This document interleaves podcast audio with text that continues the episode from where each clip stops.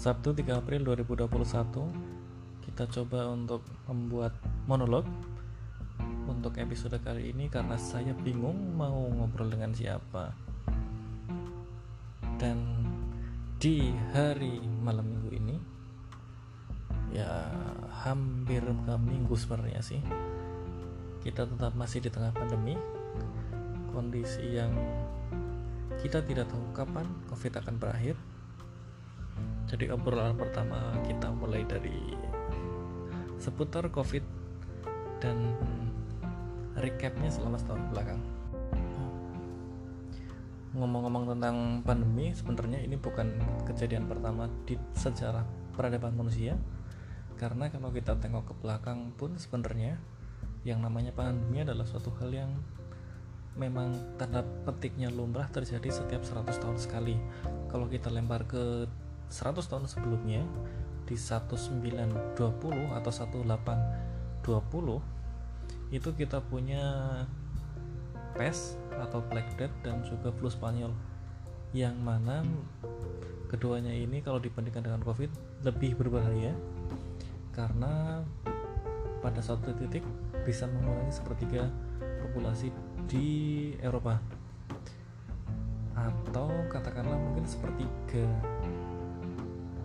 peluangnya untuk seorang terkena penyakit itu dan kemudian meninggal jauh lebih besar daripada COVID pun kalau kita melihat presentasi yang sekarang COVID rata-rata tidak sampai segitu dan penyebarannya pun mereka jauh lebih berbahaya kalau dibandingkan COVID Kenapa? Karena zaman dahulu sudah pasti informasinya tidak secepat sekarang. Kemudian yang kedua adalah bagaimana perkembangan dunia medis di zaman itu tentu tidak lebih baik dari sekarang. Tapi kalau kita ngomongin tentang persebaran informasi ada plus dan ada minusnya juga. Plus adalah ketika kita dapat informasi-informasi yang valid bahwa penyakit ini sebenarnya berbahaya kalau untuk golongan ini ini ini. Kalau seumpama kita terlibat untuk kegiatan yang ini ini ini jadi kita makan tahu bahwa menghindari covid atau menurunkan resiko untuk terkena covid dan mencegahnya hingga menjadi yang parah ada langkahnya seperti ini seperti seperti ini. Jadi informasi yang valid ya seperti yang disampaikan oleh pemerintah ataupun uh, tenaga medis. Cuma dengan arus informasi yang menggunakan internet tidak terbendung mungkin dalam setahun terakhir kita sudah dapat sejumlah hoax yang lebih masif jika dibandingkan pada saat kita melaksanakan pemilu atau pada saat lagi kampanye pada tahun 2021 hmm. nah untuk hari ini uh, dari worldmeter.info untuk kasus covid di dunia itu sudah ada 130 juta dengan total kematian 2,8 juta dan yang recover itu sekitar 105 juta. Angka yang cukup besar mungkin atau kalau kita bandingkan dengan jumlah total penduduk di dunia masih tidak terlalu besar sebenarnya. Jadi kita lebih bisa menahan penyebarannya dibandingkan dengan pandemi yang 100 tahun yang lalu. Kita lebih siap lah sebenarnya. Dan untuk kemungkinan meninggalnya sebenarnya dari kasus yang sudah selesai itu ada kemungkinan sekitar 3% kematian dan untuk yang bisa sembuh atau recover itu sekitar 97% dan kalau kita melihat di ranking untuk yang paling banyak masih dipegang oleh Amerika Serikat diikuti Brasil, India, Prancis dan Rusia. Di selanjutnya ada hmm, UK dan Italia. Kemudian kalau kita ngobrol tentang kondisi Indonesia saat ini Indonesia ada di posisi 5 eh sorry 20 dengan jumlah kasus sekitar 1.500 total kematian sekitar 41.000 dengan penambahan kasus harian sekitar 4.300an jumlah ini sudah baik karena kita sempat nembus 10.000 kasus per hari. Dan sekarang kalau melihat penambahan kasusnya sudah mulai uh, secara logaritmik sudah mulai ke arah yang kita udah mulai recover lah untuk Indonesia sendiri. Hal ini ada beberapa kemungkinan sebenarnya kalau kita telah lebih lanjut bahwa kita memang sudah punya immunity atau kita belum melakukan tracing untuk penyebaran dengan benar. Karena kalau kita lihat selama setahun di Indonesia sudah melaksanakan sekitar 12 juta 800 ribu tes atau sekitar kita punya angka 46.000 tes per 1 juta penduduk. Kalau kita melihat angka populasi kita yang sekitar 275 juta angka 12 juta itu kayaknya masih di bawah dari 5% jadi dalam satu tahun kita tidak lebih dari 5% penduduk Indonesia yang sudah melakukan tes. Nah ini dipertanyakan lagi karena yang data ini itu apakah ada orang yang berulang atau tidak? Karena seperti kita tahu untuk orang-orang yang melakukan perjalanan secara rutin atau untuk orang yang mempunyai pekerjaan yang berhubungan dengan orang lain antar kota. Jadi pindah dari satu kota ke kota lain untuk melakukan perjalanan. Mungkin orangnya seperti ini terhitung beberapa kali di jumlah total tes yang sudah dilakukan. Jadi kalau ditanya ada berapa orang Indonesia yang sudah tes mungkin lebih kecil dari 12 juta dan itu kemungkinannya besar. Jadi total tesnya selama setahun 12 juta tapi yang dites bisa lebih sedikit dari itu. Dan itu sangat mungkin kan? Dan kalau kita bandingkan dengan negara lain katakanlah uh, di atasnya Indonesia kita ada apa ya misal kita bandingkan dengan hmm, UK bandingkan dengan Inggris. Inggris punya kasus 4.300.000 tapi mereka melakukan tes sebanyak sebanyak 127 juta 500 ribu tes. Mereka punya kasus 4 juta. Mereka melakukan tes 1 juta 275 ribu tes. Dengan populasi mereka adalah 68 juta. Jadi kalau melihat tangga ini udah terlihat bagaimana penanganan di kita. Hmm, ya mungkin karena beda negara juga sih ya. Jadi mau merasa miris juga ya mau bagaimana lagi lah. Keadaannya seperti itu. Dan ngomongin covid itu sebenarnya banyak hal yang bisa kita obrolkan. Karena covid ini sesuatu yang mendadak walaupun bukan hal yang baru tapi sepertinya dunia tidak mempersiapkan ini tapi kita bisa melihat bahwa uh, respon untuk tiap negara atau tiap pemerintahan itu punya respon yang berbeda. Respon berbeda di sini adalah bahwa seberapa tangkap mereka melakukan pengamatan, kemudian mengambil tindakan yang seperti apa, kemudian bagaimana mereka memperhatikan warganya, itu antar negara berbeda dan ya bisa disimpulkan sendiri lah bagaimana kalau kita bandingin antara negara satu dengan negara lainnya.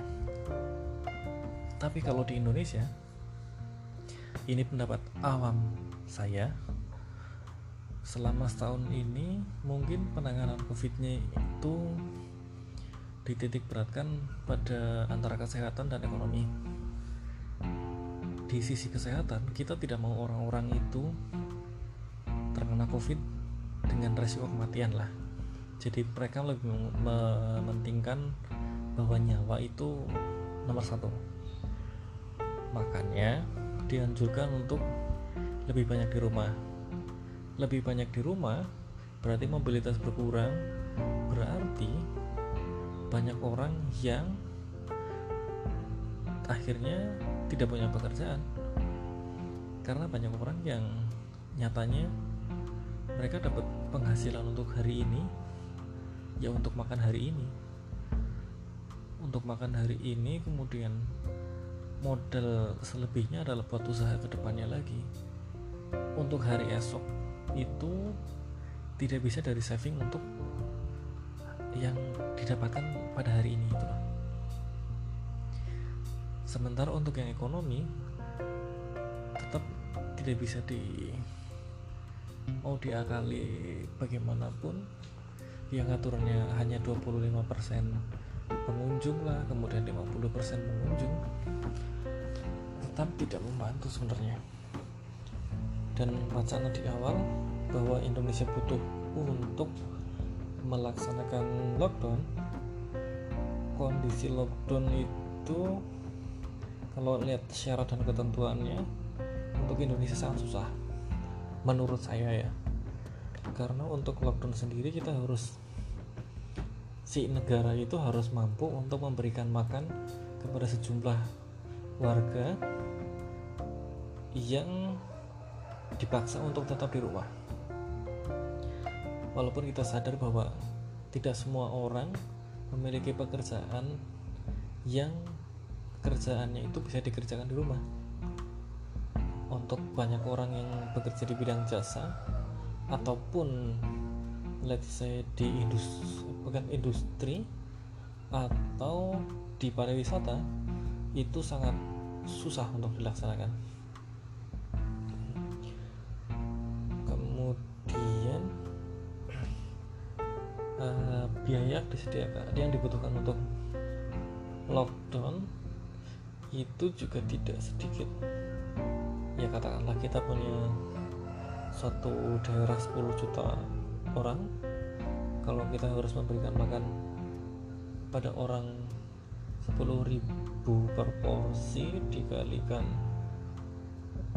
uh, dua dalam sehari kemudian dikalikan sejumlah waktu yang diinginkan untuk lockdown katakanlah dua minggu tembus berapa miliar tuh. Walaupun bantuan pemerintah ya ada yang dikorupsi juga bantuan sosial. Kemudian kondisi covid dan pandemi yang baru ini juga akhirnya memaksa warga dunia untuk membiasakan diri agar tidak egois. Tidak egois mungkin paling sederhana adalah kita akhirnya dibiasakan dan terpaksa untuk menggunakan masker. Ya selain menutupi muka yang pas-pasan mungkin tapi dengan menggunakan masker setidaknya mengurangi penyebaran penyakit-penyakit yang bisa disebabkan oleh droplet yang keluar dari mulut si penderita lah. Pun untuk saat ini banyak yang menggunakan masker tidak sesuai dengan aturannya. Yang ini kalau ngomong masker ya. Dulu kan masker menjadi barang mahal kemudian sekarang sudah mudah didapatkan ya dengan harga yang uh, manusiawi lah untuk yang sekarang bahkan lebih murah sebenarnya sebelum pandemi dibandingkan sekarang karena banyak orang yang memproduksinya dengan dengan besar lah. Mereka ada ada orang yang dapat penghasilan dari membuat masker. Tapi penggunaan masker sendiri banyak yang tidak sesuai aturan. Di mana maskernya dipakai tidak menutupi hmm, mulut dan hidung sangat sering anda jumpai. Atau masker yang sekali pakai yang harusnya cuma dipakai selama 4 jam maksimal tapi dipakai berhari-hari. Ya mau gimana lagi? Mungkin karena karena harga juga atau enggan untuk mengeluarkan uang. Makanya beberapa kali kalau saya melihat ada orang yang menggunakan masker N95 yang mana? Kalau sekarang harganya mungkin 3.000 4.000 per uh, buah. Itu si masker N95 nya itu sampai buluk banget loh. Berarti kan pemakaiannya lebih dari 4 jam kan? Efektivitas si maskernya sudah pasti turun dong. Pasti tidak ada poin menggunakan masker hingga seperti itu malah malah justru mungkin meningkatkan penyakit atau gangguan kesehatan lainnya itu masker kemudian peraturan penggunaan masker juga sepertinya berubah-ubah lah ya. Dari masker kain boleh, scuba boleh, terus hingga akhirnya harus tiga lapis lah. Mungkin ke depannya akan ada perubahan aturan lagi mengenai masker juga bukan hal yang mengejutkan sebenarnya. Selanjutnya adalah kalau ngomongin masker, masker sekali pakai pasti tidak terlepas dari uh, buangan ya. Buangan di sini maksudnya adalah sampah yang dihasilkan dari masker. Itu sebenarnya akan jadi masalah baru kita melihat penggunaan yang banyak dikalikan dengan jumlah pakai yang rutin pasti ya jadi sampah lah. Jadi sampah itu pasti. Kemudian kombinasi selanjutnya adalah pakai masker kemudian cuci tangan. Ya cuci tangan susah mungkin ya terlepas dari ketersediaan air atau di fasilitas umum fasilitas umum untuk cuci tangan sepertinya hanya dirawat pas awal-awal pandemi. Kalau sekarang saya lihat sudah tidak seperti yang dulu. Hmm. terus kombinasi selanjutnya selain masker dan cuci tangan adalah penggunaan facial. Yang mana kadang di media yang kita lihat lah kayak televisi walaupun banyak orang sekarang tidak menonton televisi penggunaan facialnya masih sering dijumpai secara ya dipakai aja. Dia pakai masker tidak pakai face atau dia pakai face tapi tidak pakai masker. Itu rada lucu sebenarnya sih oke itu. Habis itu mungkin karena kondisi pandemi kondisi pandemi juga sebenarnya menyadarkan kita bahwa banyak dari kita yang tidak punya ketahanan atau persiapan secara finansial. Ini bisa berasa gimana ya? Karena memang banyak yang menjerit. Banyak menjerit karena penghasilannya berkurang. Atau mungkin mata pencahariannya hilang. Atau yang bekerja sebagai karyawan itu mereka dirumahkan. Nah dirumahkan ini berarti kan menambah untuk uh, jumlah pengangguran. Ada yang seperti itu kan menambah pengangguran adalah menurunkan tingkat ekonomi seseorang yang akhirnya dekat dengan uh, masalah lain. Mungkin banyak orang yang akan bertindak nekat dengan melakukan hal apa pun untuk sekedar makan. Dan ya itu logis ya karena mereka butuh duit untuk makan mereka bekerja untuk uang yang digunakan untuk makan tadi. Dan beberapa orang punya penghasilan yang tidak tetap. Katakanlah uh, penjual makanan di pinggir jalan mungkin atau yang bekerja di bidang food. Seperti itu pasti penghasilannya berkurang sih. Kalau menurutku ya. Ataupun orang-orang yang bekerja sebagai yang berhubungan dengan jasa transportasi online. Itu juga sepertinya banyak terdampak lah. Kalau kita melihat mereka juga kena banyak aturan dari perusahaan yang mana perusahaan juga mungkin keputusan terbaiknya seperti itu. Jadi banyak potongan banyak potongan sehingga penghasilan mereka berkurang. Tapi kalau tidak dilakukan seperti itu malah justru perusahaan yang kolab mungkin. Itu. Jadi untuk hmm, pertimbangan ke depannya sebenarnya untuk mencari masa depan bisa dipertimbangkan tuh kita harus memilih pekerjaan yang seperti apa? Mencari pekerjaan dengan penghasilan yang tetap atau freelancer dengan gaji yang gede tapi bulanannya tidak pasti. Menjadi pertimbangan tersendiri nanti akhirnya akan akan menjadi penting sih. Kalau seumpama seumpama kita uh, misalkan suami istri. Suaminya bekerja istrinya tidak bekerja. Kalau suaminya berpenghasilan tetap uh, berarti tidak akan terlalu berdampak walaupun istrinya tidak bekerja. Kemudian suaminya bekerja dengan penghasilan tidak tetap tapi istrinya tidak bekerja berarti perekonomian rumah tangganya terganggu. Yang kalau dua-duanya bekerja dengan penghasilan tetap yaitu itu berarti kan kasusnya sama dengan yang pertama.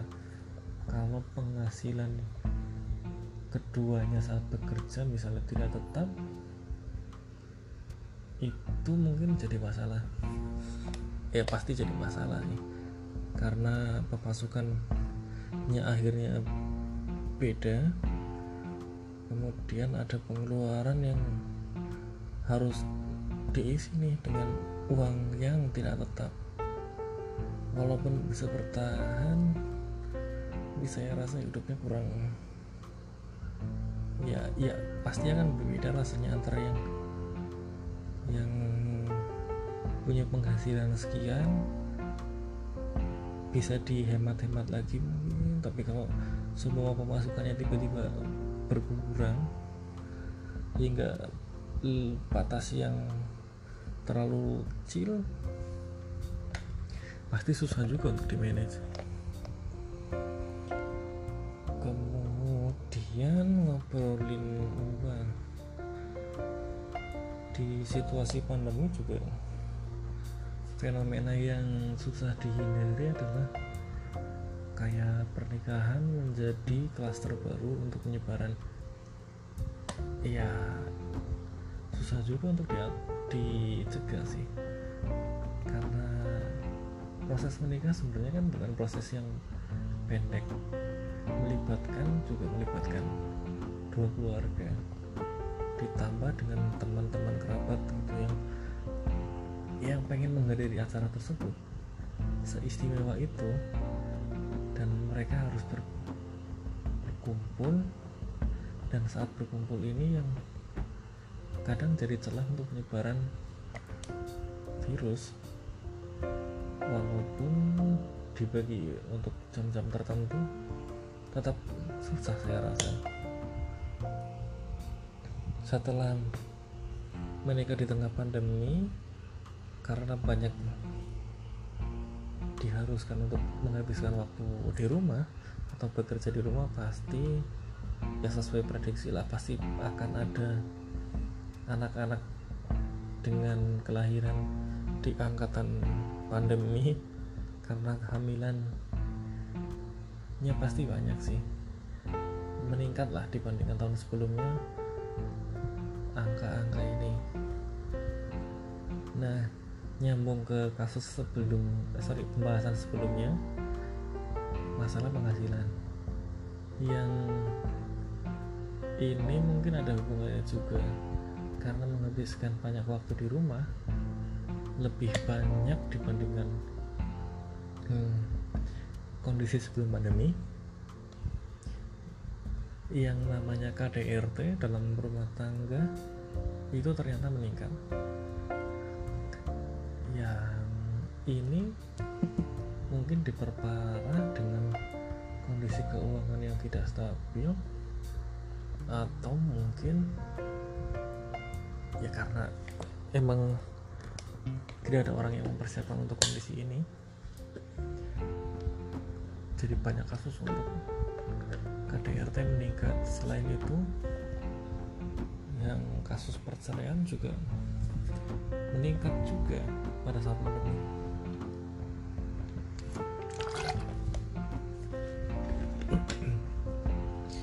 tapi kenapa kedua kasus ini meningkat? Kalau keduanya sama-sama saling mencintai kemudian menghabiskan waktu bersama kenapa justru kasus kasus ini meningkat?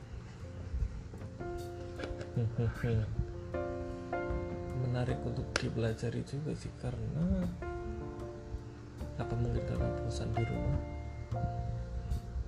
Atau mungkin ada masalah lain yang mengikuti di belakangnya.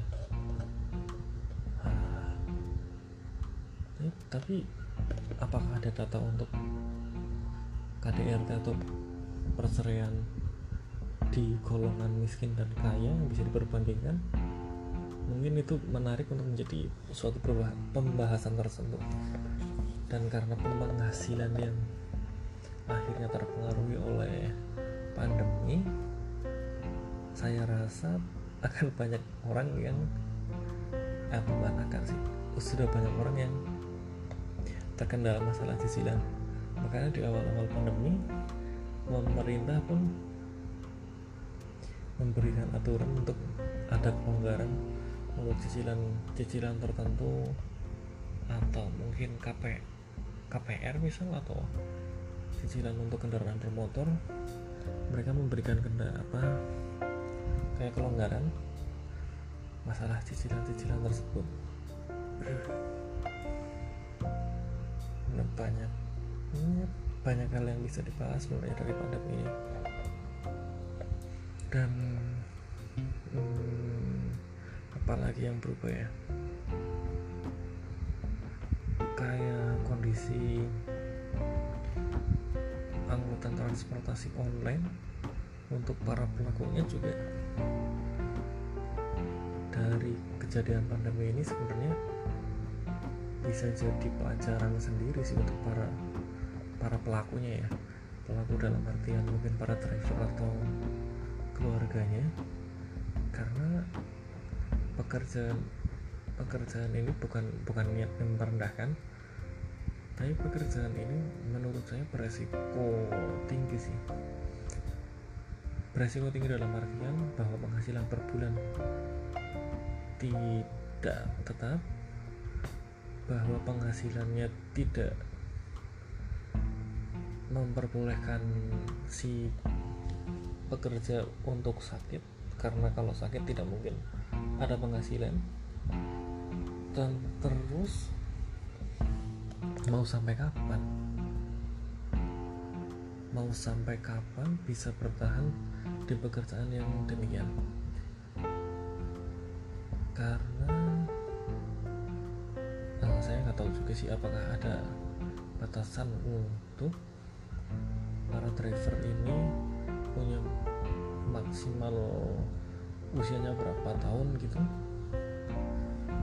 Tapi membayangkan seseorang hingga menjelang 60 tahun di mode transportasi online sepertinya tidak bukan hal yang bisa diperjuangkan sebegitunya menghidupi keluarga. Walaupun ada emang keluarga yang bisa bertahan bahkan sampai menyekolahkan anak sampai tinggi lah tapi apa iya semua orang bisa seperti itu? Hmm. membingungkan juga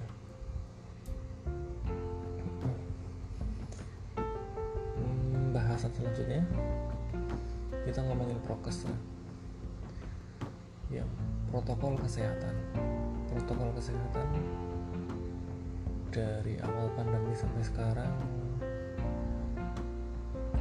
yang terkesan cuma tarik ulur mungkin karena berubah-ubah terus. Yang kita harus katanya menjaga jarak awalnya satu meter kemudian jadi dua meter jadi satu setengah meter yang walaupun di lapangan tetap tidak dilakukan sih. Kita bisa melihat katakanlah di mode transportasi umum misal di KRL iya di dalamnya itu udah ada tanda-tanda untuk bahwa orang para penumpang itu harus berdiri di sini menghadap ke mana duduknya dikasih jarak antara yang duduk dengan sebelahnya kemudian harus menggunakan masker. Tapi pada saat jam sibuk antrian masuk ke stasiun itu kan jadi kerumunan sendiri. Apa iya itu dibiarkan aja. Walaupun di dalamnya di dalam kendaraannya sendiri sudah ada jarak tapi di luarnya kan mereka jadi kerumunan baru. Dan di antara sekian banyak kerumunan yang mungkin nyebrang jalan itu itu kan ada kemungkinan orang yang sudah terinfeksi virus. Dan itu tidak bisa ketemu solusinya sih menurutku. Selama masih ada sekian banyak orang yang dari sekitaran kota itu yang tetap menggunakan transportasi. KRL katakanlah yang ya emang itu doang. Opsi mereka. Dan uh, satu lagi kadang di beberapa uh, tempat umum juga ada protokol kesehatan yang bahwa 37,3 derajat celcius adalah batas batas maksimal orang boleh masuk ke suatu tempat itu. Ada dua hal yang bisa dikomentari sebenarnya sih. Yang pertama yang menderita covid yang positif itu tidak selalu dalam 37,3 derajat celcius. Sangat jarang mereka suhu tubuhnya sampai setinggi itu yang terukur. Jadi buat apa? Dan banyak juga kasus di mana menggunakan termogan itu tidak di jidat loh tapi yang diukur adalah tangan itu adalah tindakan yang tidak berguna. Maksudnya karena ya ya yang mewakili kondisi tubuh seseorang mau panas atau tidak itu bukan di tangan. Kalau pengen yang lebih tepat dia melihatnya di di ini di core bodinya itu core body ya bisa diwakili dari jidat itu jadi kalau di jidat 42 pun di tangan nggak akan 42 pasti ada selisihnya mungkin selisih satu atau dua derajat. Jadi bisa orang demam itu tapi tangannya dingin kan? Mungkin aja. Itu penggunaan termogan. Nah yang kadang-kadang termogannya itu juga tidak terkalibrasi jadi banyak orang yang mendapat suhunya itu mungkin 32, 34, 35 itu suhu yang tidak mungkin orang-orang bisa berjalan dengan santai ya. Atau mungkin kebanyakan orang di Indonesia udah vampir gitu. mereka berdarah terlalu dingin. Ya penggunaan termogan ya sebenarnya cuma buat formalitas Nah, fenomena lain yang sering dijumpai juga adalah ini. Memang sudah banyak orang yang menggunakan masker. Menggunakan masker, tapi suatu saat orang itu kepojokan, maskernya diturunin terus perokok. nah, banyak orang yang belum memahami bahwa si COVID ini menyerang ke saluran pernafasan. Saluran pernafasan berarti ujung-ujungnya akan berhubungan dengan paru. Nah, paru-paru untuk orang yang merokok itu lebih apa istilahnya ya? Pertahanan terhadap si COVID-nya itu tidak lebih baik dari orang yang tidak merokok karena permukaan paru-parunya kan pasti sudah tercemari oleh asap rokok. Nah, saat tercemari ini berarti permukaan yang yang sehat yang bisa menopang si punya paru-paru tetap sehat gitu beraktivitasnya pasti berkurang dengan jumlah penampang yang lebih sempit ditambah dengan covid alamatnya adalah menggunakan alat bantu pernafasan. Alat bantu pernafasan yang respirator seperti itu jumlahnya terbatas. Dengan jumlah terbatas maka hanya beberapa orang yang bisa ditangani oleh alat ini. Pada suatu titik pasti nilai si alat bantu pernapasan ini naik dong secara ekonomis. Berarti orang yang tidak benar-benar kaya akan tidak mendapatkan fasilitas ini karena alatnya terbatas.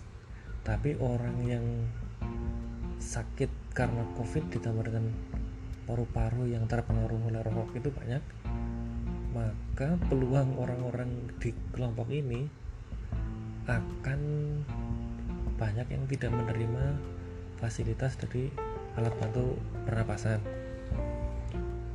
Maka kelompok-kelompok ini sebenarnya adalah orang yang ya lagi jalan menuju jurang covid dan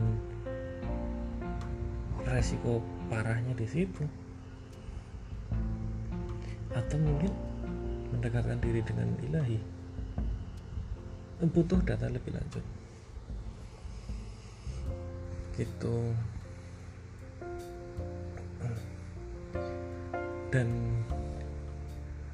mencari orang yang uh, melakukan tracing atau testing di Indonesia seperti yang disebutkan tadi bahwa sejauh ini kita sudah melakukan 12 juta tes. Itu sepertinya belum bisa diwakili untuk disebut untuk mewakilkan semua rakyat Indonesia. Karena emang nggak semua golongan melakukan tes. Kenapa tidak melakukan tes? Ya karena tesnya mahal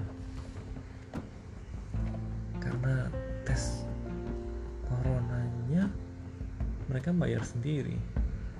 Dengan membayarnya pun bukan hal yang murah bagi mereka. Itu bisa jadi makanan berapa kali makan kan?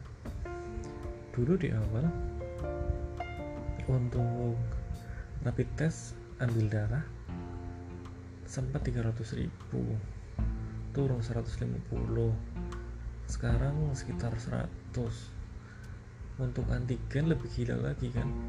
Dulu sempat 550 sekarang turun hingga 200 atau 150 tapi untuk yang PCR yang dianggap gold standarnya internasional yang paling mendekati kebenaran untuk testingnya adalah sekitar satu juta. Oke paling paling murah saya menjumpai adalah sekitar 800 ribu. Ya bukan harga yang murah kan? Dan tidak semua orang bisa melakukan testing ini. Dengan keengganan mengeluarkan uang atau kemampuan yang memang tidak seberapa pasti orang malas untuk melakukan uh, testing mandiri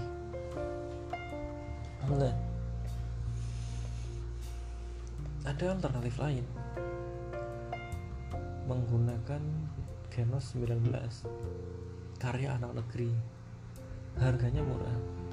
Kalau sekarang mungkin kemarin-kemarin dikabarkan bahwa 20.000 per tes sekarang jadi 30.000 itu yang difasilitaskan oleh kereta api jadi genos itu bisa jadi uh, surat sehat untuk melakukan perjalanan lah seperti itu. Dan di bandara juga sepertinya menggunakan genos. Tapi yang perlu dipahami adalah bahwa genos itu sebenarnya hanya sebatas screening. Kenapa screening? Karena memang pada pengembangannya itu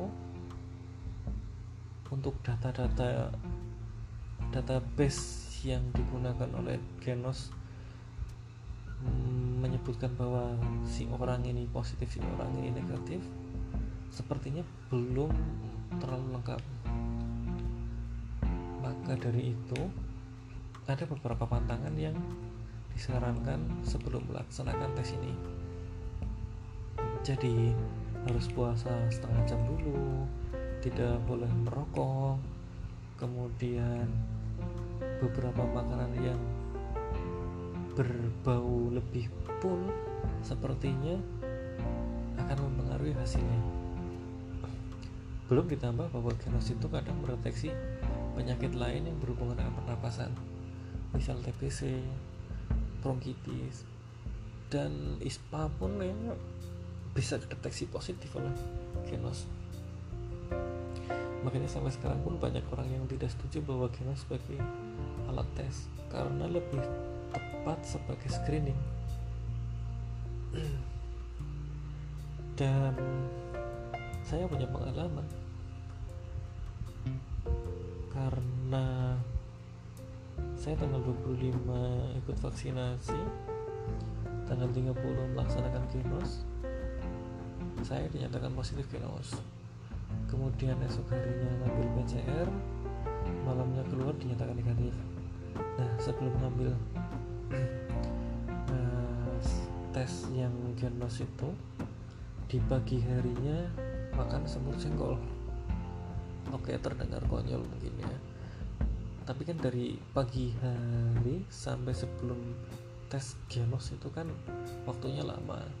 Dan saya sudah cuci mulut juga dong. Udah sikat gigi dong. Dan sem tidak sempat berpuasa satu per dua jam lah sebelumnya.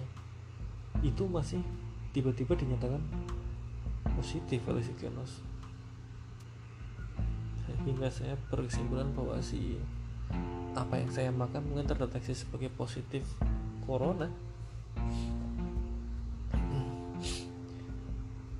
jadi ya mungkin Kenos belum belum bisa menggantikan rapid test antigen. Atau swab PCR itu.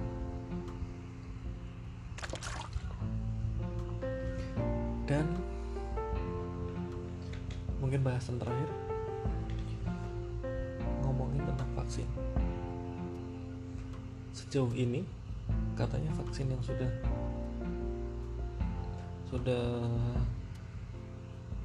diberikan ke orang Indonesia jumlahnya sekitar 10 jutaan. Sementara target uh, dari tim Satgas bahwa 17 Agustus semua orang Indonesia sudah divaksin. Target yang sangat susah dicapai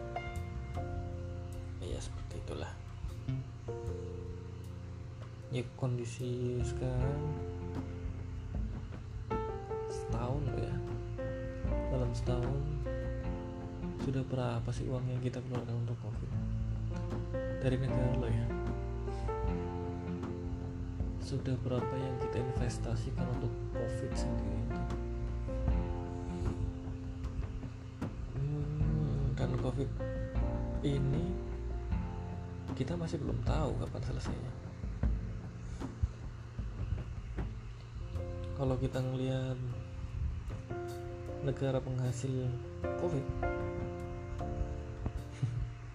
yang di mana covid pertama kali ditemukan di China kita lihat datanya. Di China itu sekarang ada di posisi 92 Indonesia ada di 20 ya kasus di China itu ada sekitar 90 ribu kasus. Dibanding Indonesia sejuta 500 tetapi kini salah tindakan satu oh, total di sini kan 90 kasus totalnya kematian sekitar 4000 total testingnya adalah 160 juta. Ya untuk warganya yang sekitar 1,4 miliar. Tapi itu kan mendekati 10 persen. Lebih progresif dari Indonesia sebenarnya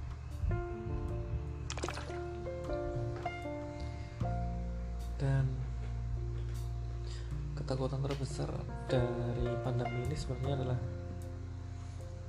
hmm, karena saya ada bayi baru oke sekian dulu lah obrolan random saya di malam ini. Hmm, nextnya mungkin nyari bahan obrolan baru oh, ini baru nyoba. Hingga suara saya habis